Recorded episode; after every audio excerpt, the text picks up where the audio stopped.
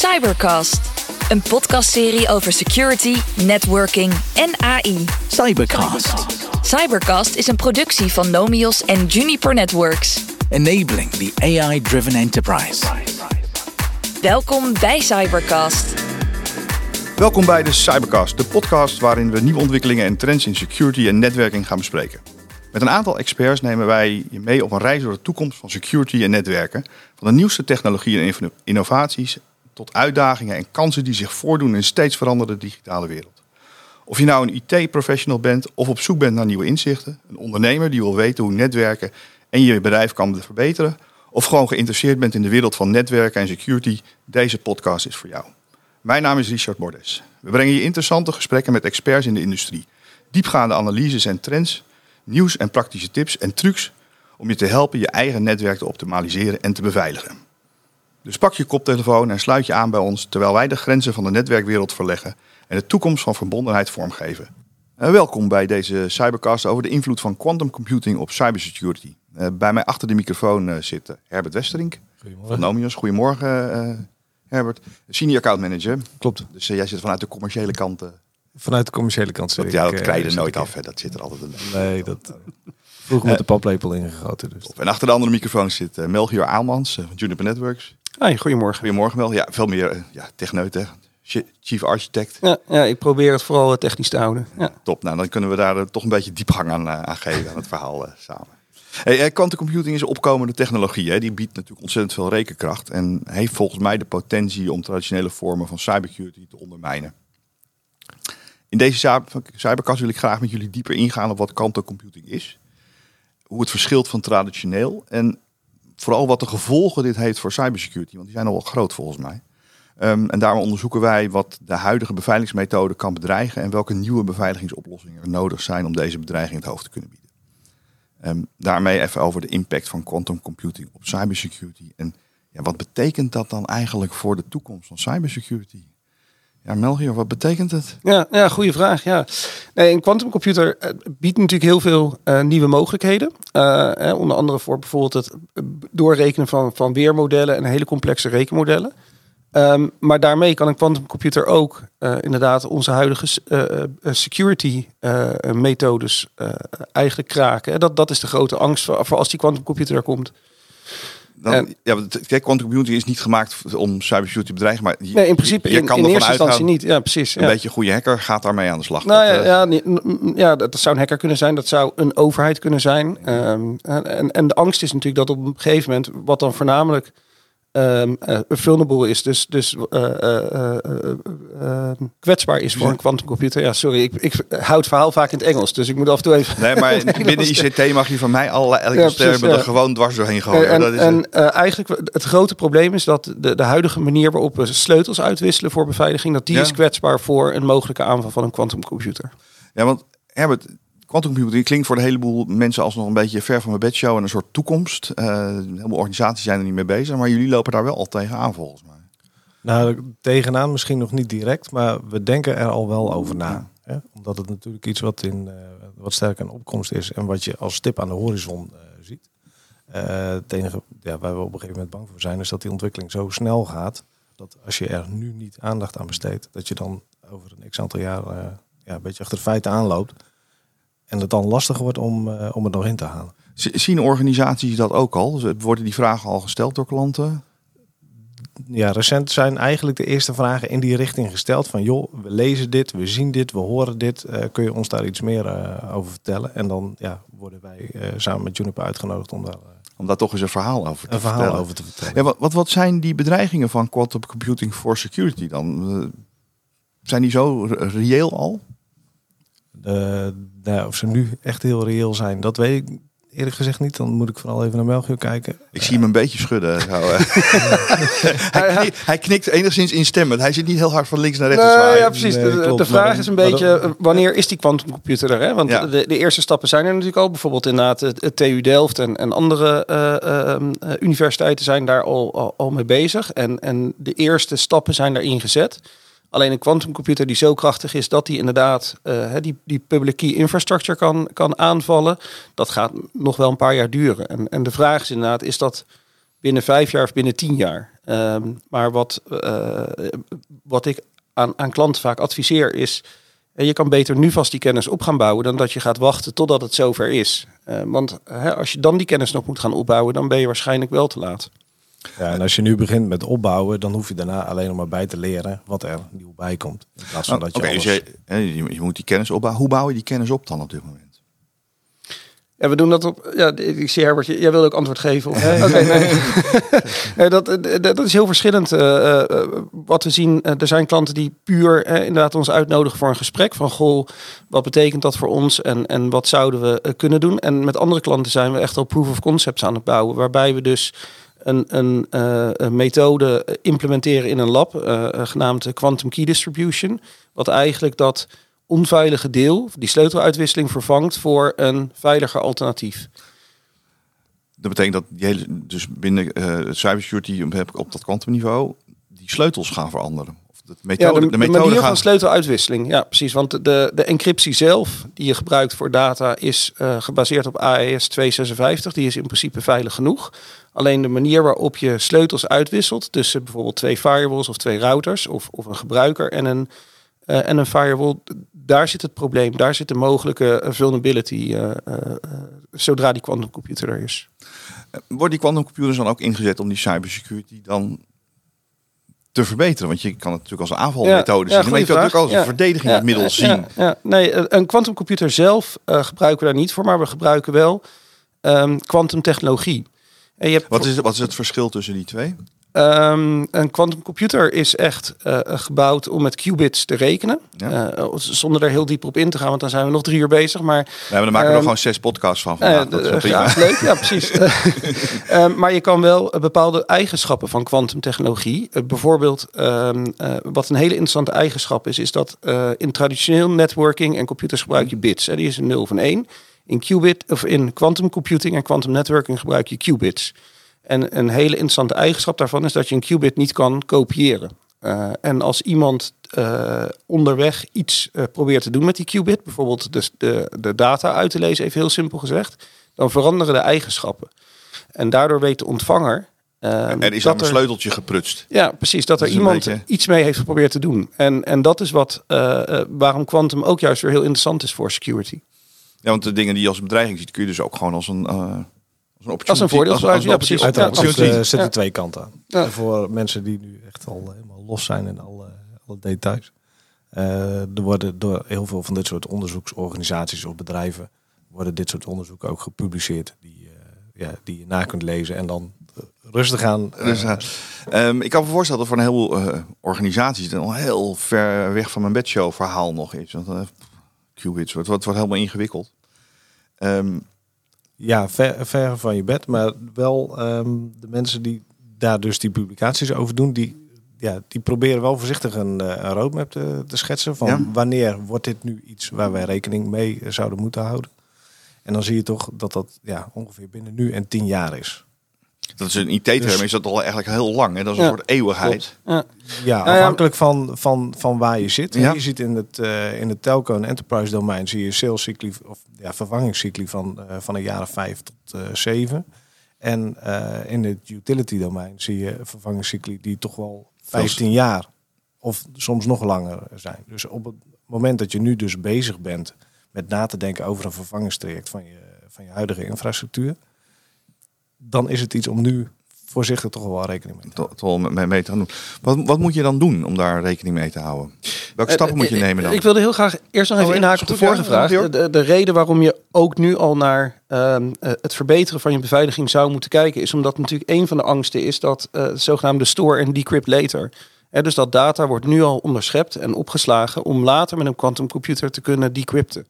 Dus da ook daarom wil je nu alvast erover nadenken. En inderdaad je afvragen, is het, eh, stel dat die quantumcomputer over vijf tot tien jaar er is, is mijn data dan nog eh, zo relevant dat ik eigenlijk daar vijf jaar geleden al over na had moeten denken? Ehm, dus in, in dat opzicht ehm, eh, is het al, ook al goed om, om in ieder geval nu je te bedenken van wat is de waarde van mijn data over een paar jaar? Het, het idee voor deze cybercast en het onderwerp, de, de invloed van quantum computing op cybersecurity, is ook ontstaan omdat jullie bij een klant geweest zijn waar die vragen gesteld werden. Ja. Uh, hoe verliep dat gesprek? Wat, wat, waar, wat waren daar de, de punten waar jullie langs gelopen zijn? Of was het ook voor jullie een verrassing toen dat kwam? Uh, nou ja, eigenlijk gewoon vanuit beginnende interesse. Ja? Van joh, wij zien daar stukken over, uh, over voorbij komen. Dat ging vooral eigenlijk getriggerd over een, door een onderzoek wat, of een, ja, een, een, POC die gedaan is door Juniper bij, bij een haven. Even uit mijn hoofd. We hebben een, een, proof of concept opstelling, een testbed gebouwd met Eurofiber en QTech, TU Delft in, hier in Nederland.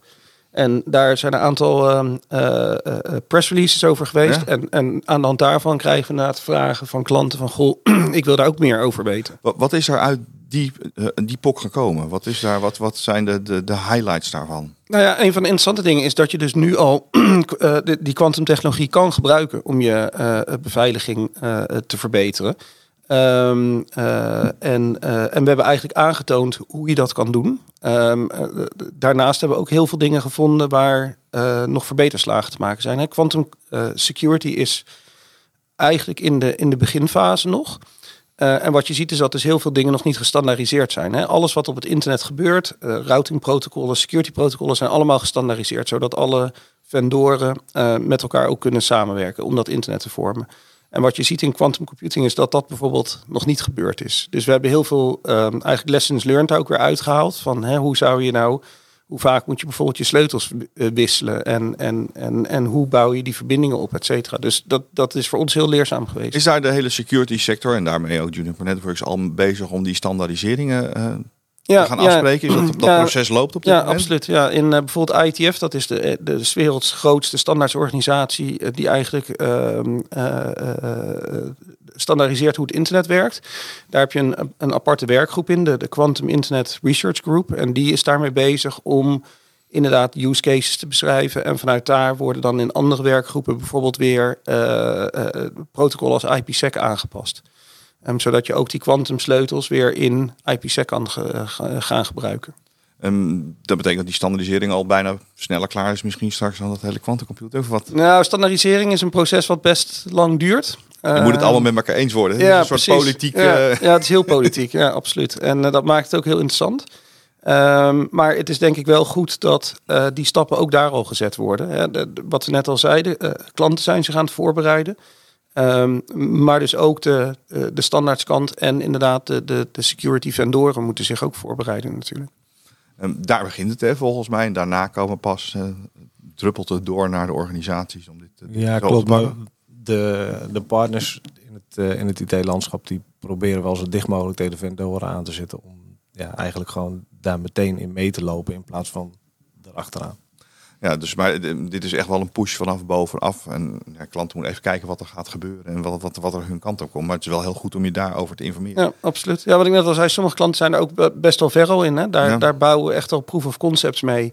Zijn dat um, organisaties in een bepaalde sector waar dit veel meer speelt dan in andere? Of is dat wel is dat een beetje doorsnee? De allerlei sectoren, veel service providers, die, die kijken ja. naar, omdat zij dat eventueel bijvoorbeeld weer als een dienst aan hun klanten aan kunnen bieden. Um, maar inderdaad ook uh, utility providers, omdat zij natuurlijk uh, uh, best hoge eisen stellen aan, aan hun security, maar bijvoorbeeld ook financials. Ja, nou ja, en het utility domein nogmaals, want daar, dat was ook de klant waar we, ja. het, het, straks over hadden. Kijk, die zitten natuurlijk met die veel langere investeringscycli. ja. Waar, ja, waardoor dat sneller relevant wordt om daarover Maar dit zijn ook organisaties waar security veel meer in het, in het DNA zit ingebakken natuurlijk utility, het licht moet blijven branden en het, het water, water moet uit nee, de kraan blijven en komen. In dit geval was het uh, water moet blijven komen. En uh, ja, er wordt natuurlijk vanuit de overheid wordt er ook gewoon wel uh, heel erg op gestuurd om daar al mee bezig te zijn en daarover na te denken. Ja, want dit, dit besef komt natuurlijk ook, ook dat de security voor dit soort ja, dienstverlening die we, als, die als landen nodig hebben, als misschien als heel Europa of de hele wereld nodig hebben, natuurlijk wel altijd onder bedreiging staan. En cyberwar is niet iets van een oude film uit de jaren tachtig. Uh, dat vindt ook echt gewoon plaats. We hebben het hier niet meer bij dit soort organisaties niet over de, de die odd hacker die plotseling voorbij komt. Die zal er ook wel tussen zitten. Maar nee, klopt. loopt ook gevaar natuurlijk van, van en, overheden. En, en de impact van security is ook gewoon anders. Hè. Het is niet dat iets het even niet meer doet, maar het kan ook uh, indirect een uh, gevaar voor de volksgezondheid betekenen. Uh, ja, en de samenleving als eerder. Maar dan, ja, dan kom je inderdaad aan overheden, semi-overheden, financials. Wanneer denken jullie, want dat ik hoorde net jullie roepen, hè, zo tussen nu en tien jaar. Dus dat ik dat dan maar even als steken uh, houden. Um, dat zullen dan dit soort organisaties in eerste instantie staan. Wanneer wordt het voor het ja, gewone bedrijfsleven? Of, uh, de, of druppelen die langzaam mee straks in diezelfde periode?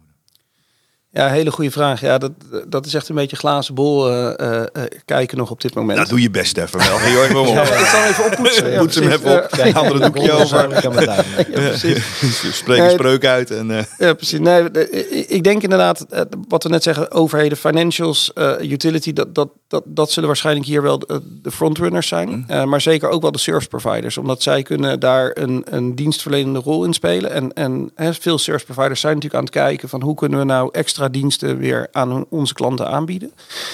Um, ik denk als het eenmaal zover is dat je best wel een, een snelle roll-out uh, uh, zal gaan zien. Uh, maar ook wel een, um, een soort verschillende zeg maar lagen weer van security. Voor de ene is natuurlijk een security veel belangrijker dan voor de ander.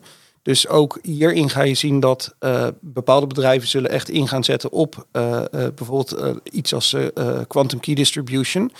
Um, waar anderen zeggen, ik gebruik een post-quantum encryptieprotocol. Dat is nog steeds gebaseerd gewoon op, um, uh, op, op zeg maar traditionele security. Alleen dat is dan wel wat we dan noemen quantum resistant. Oftewel, dat is een, een, uh, een protocol wat bestand is tegen de aanval van een quantumcomputer. Um, dus, dus ook daar zou je gewoon wel weer verschillende lagen in zien. Afhankelijk van hoe belangrijk jouw data is en, en hoeveel waarde je hecht aan security. Nee, en de, en de vraag gaat natuurlijk over hè, wanneer vloeit het dan door naar de enterprise. En dat zal natuurlijk ook voornamelijk te maken hebben met, uh, met de toepassing van de technologie. Want we hebben het hier natuurlijk over security. Maar ja. dat is niet de enige toepassing. En dus als iemand uh, een reden bedenkt waarom die, de, waarom die het nodig heeft om, uh, om geld te verdienen, dan gaat het veel sneller. Dan, dan ja. sneller dan dat overheden meestal dat, kun, overheden kunnen bedenken. Ja. als je dan naar die overheden kijkt, hoe, hoe um, spelen die nog een rol zeg maar, in wetgeving? ga, er zijn ook een aantal podcasts over NIS 2 binnen Cybercast. Um, heeft dat, heeft dat een rol op deze zeg maar, quantum computing uh, binnen de security omgeving? Ja, absoluut. Ja, de, je ziet dat uh, verschillende overheden, bijvoorbeeld de Amerikaanse overheid, is al best ver daarin. Die hebben directives uitgegeven welke protocollen bijvoorbeeld ook niet meer gebruikt mogen worden voor overheidscommunicatie. En aanwijzingen gegeven van wat je juist wel moet gaan gebruiken. Hè. En inderdaad, NIST en NSA en, en dat soort organisaties zijn ook al bezig met het, testen van allerlei nieuwe protocollen. Dat gaat dan voornamelijk om die post-quantum encryptie. Um, maar je ziet dat steeds meer overheden inderdaad eisen gaan stellen, omdat die zich dus al aan het voorbereiden zijn op zo'n uh, store en decrypt later aanval. Hè? Dus waarbij nu al de data wordt opgeslagen en later gedecrypt. Um, dus zeker dat, dat daar een, een push is vanuit de overheid. Absoluut. En dit is vanuit de Amerikaanse overheid. Europa gaat ook mee uh, daarin, uh, Herbert? Dat lijkt me wel. Dat, lijkt wel, dus dat, dat, dat moet, moet, gewoon wel gebeuren. Omdat overheden toch op dit gebied nog wel eens een keertje achter willen lopen op de technologie. Ja. ja, je ziet ook dat er uh, best veel funding beschikbaar is uh, voor onderzoek. Hè. De, je hebt uh, in, in Europa de, bijvoorbeeld de, de Quantum Alliance en, en, en allerlei organisaties die ook weer door zij het lokale overheden of door de Europese overheid uh, gesubsidieerd worden om dat onderzoek ook te doen. Ja, want even deze POC, want dan denk ik aan, aan, aan universiteiten. Je, je, je, vertelde net over, over die POC, maar die hebben je samen met de TU Delft gedaan? Of dat, ja, QTech. Ja. Q ja, dat is de, de, eigenlijk de quantum uh, uh, samenwerking tussen TU Delft en TNO. Omdat het echt nog in zo'n ontwikkelingsonderzoeksfase zit om, om dat door te trekken. Ja, ja, wat we daar heel erg in, in proberen is um, om nu al eigenlijk die samenwerking op te zoeken tussen research en uiteindelijk wat er aan producten gebouwd gaat worden. En uh, in dit geval is dan Eurofiber als klant daarbij betrokken. Zodat je eigenlijk Eurofiber hele... infrastructuur leveren als hier ja, in Nederland. Precies, ja. ja. zodat je eigenlijk die hele driehoek hebt van uh, research, ontwikkeling en, en uiteindelijk een klant die dat, uh, die dat gaat gebruiken. Heeft daarmee dit in Nederland een voorsprong op landen om ons heen? Of hebben we, lopen we een beetje in de pas zijn met, met een heleboel organisaties daarmee bezig? Um, nee, we zijn daar best wel een voorloper in. Want wij vergeten wel eens dat er in Delft heel veel gebeurt. Absoluut. Dat het gewoon ontzettend ja. voorloopt op, ja, dit, op dit gebied. Ja, nee, er wordt natuurlijk in andere landen ook onderzoek gedaan. En um, uh, heel veel research gedaan. Maar bijvoorbeeld zo'n gezamenlijk testbed, daar, daar zijn we voor zover ik weet de eerste in uh, die, dat, uh, die dat nu gebouwd hebben. Um, als ik jullie, Herbert, als ik je over drie jaar weer spreek over dit onderwerp. Wat is er dan veranderd? Nou, ik denk dat dan de eerste testen wel uh, concreter zullen zijn en dat de bedrijven gebruik uh, maken ah. van deze technologie. ik weet niet of ze dat dan ook op de, op de marketingflyer eh, zullen zetten. Maar eh, ja, dat, zover zijn we dan wel, denk ik. Ja. ja, ik denk over drie jaar dat we wel echt commerciële deployments zal zien. Als je kijkt hoe ver die testen nu al zijn. En inderdaad dat, dat de standaardorganisaties ermee bezig zijn. Nou, we hadden het net over, dat duurt een paar jaar voordat dat uitgekristalliseerd is. Maar ik denk over nou ja, drie jaar, dan, dan zullen er zeker uh, uh, commerciële uitrol al, al zijn. Ja. ja. Dus ja, als je, als je nog meer wil weten en daarover door wil praten, in de gaten moet houden, wat is dan het handigste om in de gaten te houden, uh, Melchior? Nou ja, bijvoorbeeld die Quantum Internet Research Group in de ITF. Dat gaat dan echt over de standaarden. Uh, bijvoorbeeld het werk wat, uh, wat de TU Delft doet, wat QTech doet. Um, en uiteraard zijn wij altijd bereid om die, die kennis met je te delen en uit te wisselen. Ja, dus als je meer wil weten, kun je altijd even op LinkedIn zoeken naar Herbert Westerink of Melchior Aalmans met AE. Absoluut. En dan gaan ze jullie vinden en dan kunnen jullie daar eens misschien zo over doorpraten en, en over doorbomen. Zeker. Ik wil jullie ontzettend bedanken voor jullie ja, informatie. Ik ben ook weer heel veel wijzer geworden in, in deze Cybercast. Um, en voor alle luisteraars, uh, we horen je graag of we zien je graag terug in de volgende Cybercast. Nou, graag gedaan. Dankjewel. Dankjewel.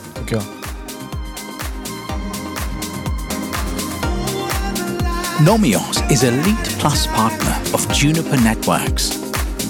Cybercast, een podcastserie over security, networking en AI. Thank you for listening to Cybercast. For more information, please check out our website, nomios.com.